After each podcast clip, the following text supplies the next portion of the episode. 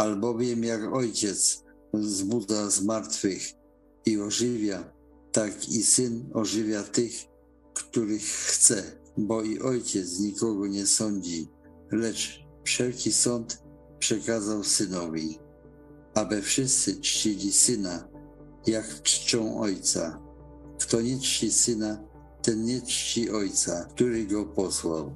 Zaprawdę, zaprawdę powiadam wam, kto słucha słowa mego i wierzy temu, który mnie posłał, ma żywot wieczny i nie stanie przed sądem, lecz przeszedł ze śmierci do żywota.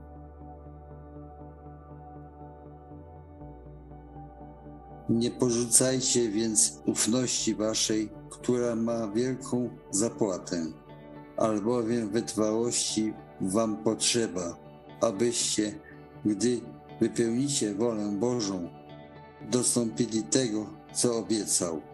Bo jeszcze tylko mała chwila i przyjdzie ten, który ma przyjść i nie będzie zwlekał. Kto mówi, znam go, a przykazań jego nie zachowuje, kłamcą jest i prawdy w nim nie ma. Lecz kto zachowuje słowo jego, w tym prawdziwie dopełnia się miłość Boża. Po tym poznajemy, że w nim jesteśmy. Kto mówi, że w nim mieszka, powinien sam tak postępować, jak on postępował. Pan jest mocą moją i tarczą moją.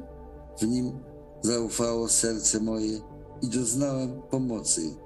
Rozweseliło się serce moje i pieśnią moją będę go wysławiał.